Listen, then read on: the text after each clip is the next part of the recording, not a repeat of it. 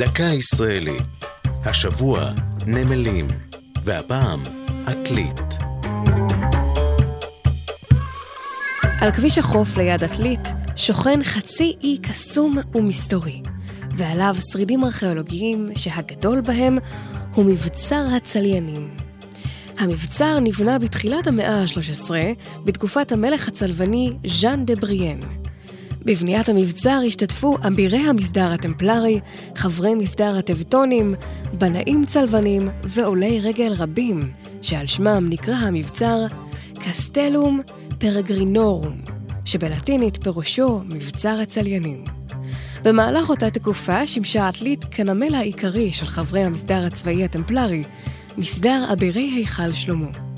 לאחר נפילת המעוז הצלבני בעכו בידי הממלוכים, נותר מבצר עתלית המבצר הצלבני האחרון בממלכתם, ואף הוא ניטש.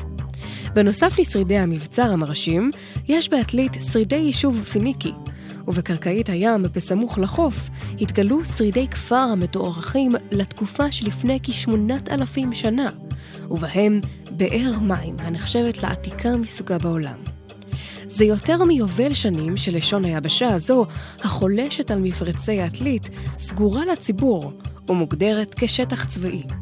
מאז שנות ה-50 פועל במקום בסיס עתלית, בסיס ימי מסווג של יחידת הקומנדו שייטת 13. זו הייתה דקה ישראלית על נמלים ועתלית. כתבה עמליה נוימן. ייעוץ הדוקטור שלמה לוטן. הגישה עדן לוי.